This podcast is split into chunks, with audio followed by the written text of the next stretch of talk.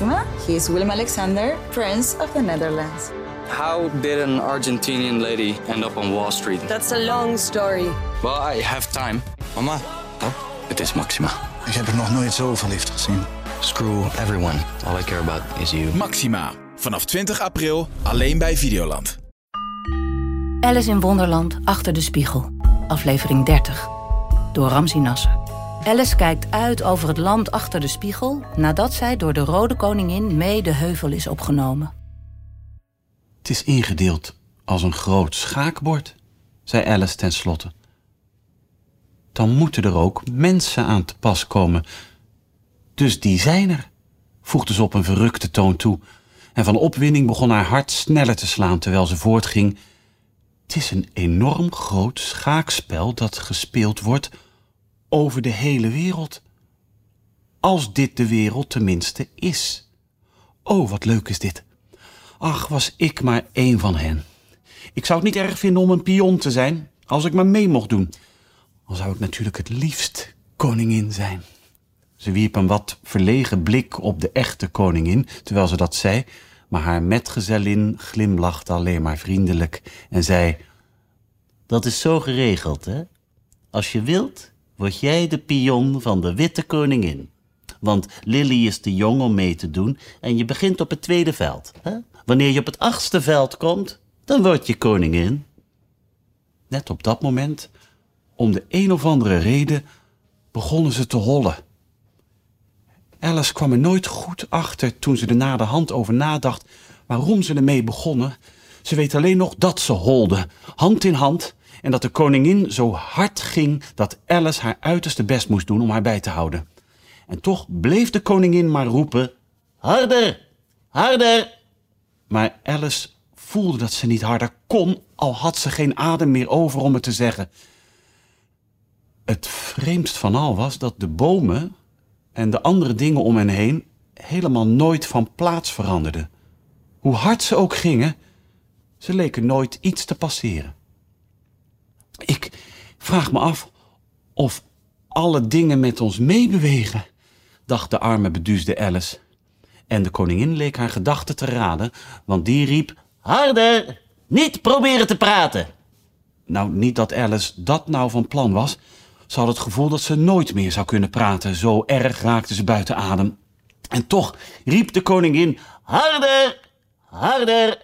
En sleepte haar mee. Zijn we er al bijna? Wist Alice tenslotte uit te brengen. Al bijna? herhaalde de koningin. Ben je mal? Tien minuten geleden zijn we er langs gekomen. Harder! En ze holde een poosje zwijgend door, terwijl de wind Alice in de oren floot en haar bijna het haar van het hoofd blies naar het haar voorkwam. Kom op! riep de koningin. Vlugger! Vlugger!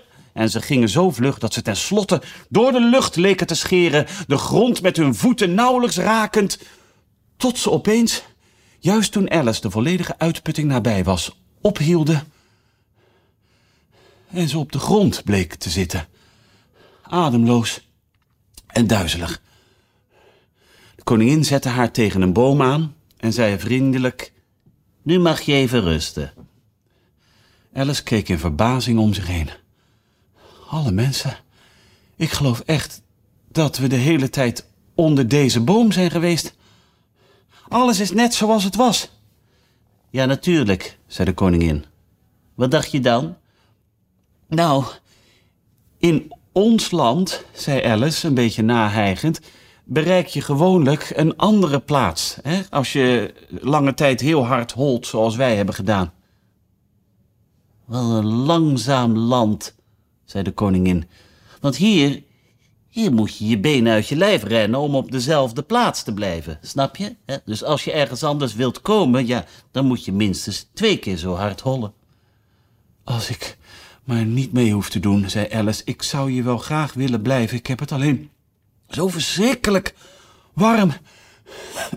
En ik verga van de dorst. Ik weet waar jij zin in hebt, zei de koningin goedhartig, terwijl ze een doosje uit haar zak haalde. Biscuitje? Huh?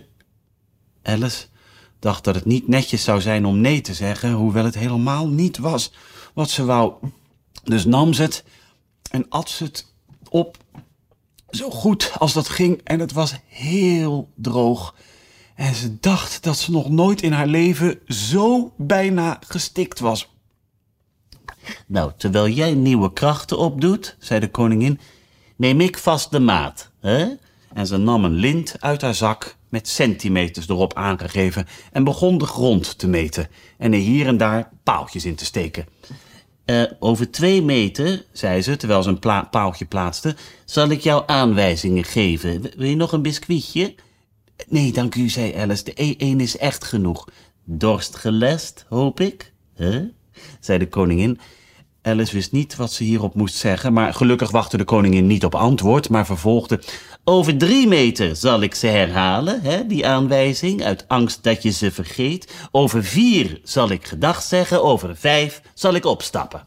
Inmiddels had ze alle paaltjes in de grond gestoken en Alice keek met grote belangstelling toe hoe ze terugkeerde naar de boom en toen langzaam de rij afliep. Bij de twee meter paal keek ze om en zei: Een pion gaat twee velden in zijn eerste zet. Weet je, dus je gaat heel vlug door het derde veld, per trein zou ik denken.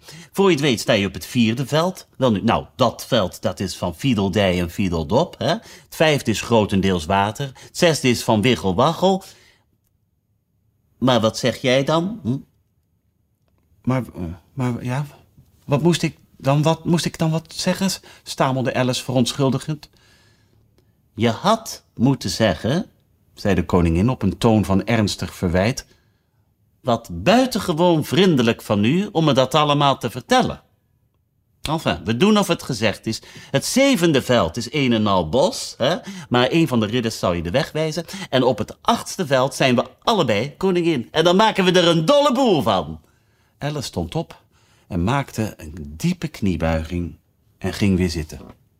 Bij het volgende paaltje draaide de koningin zich weer om en deze keer zei ze... Eh, zeg het in het Frans, hè, als je niet op het woord kunt komen. Draai je voeten naar buiten bij het lopen en onthoud wie je bent.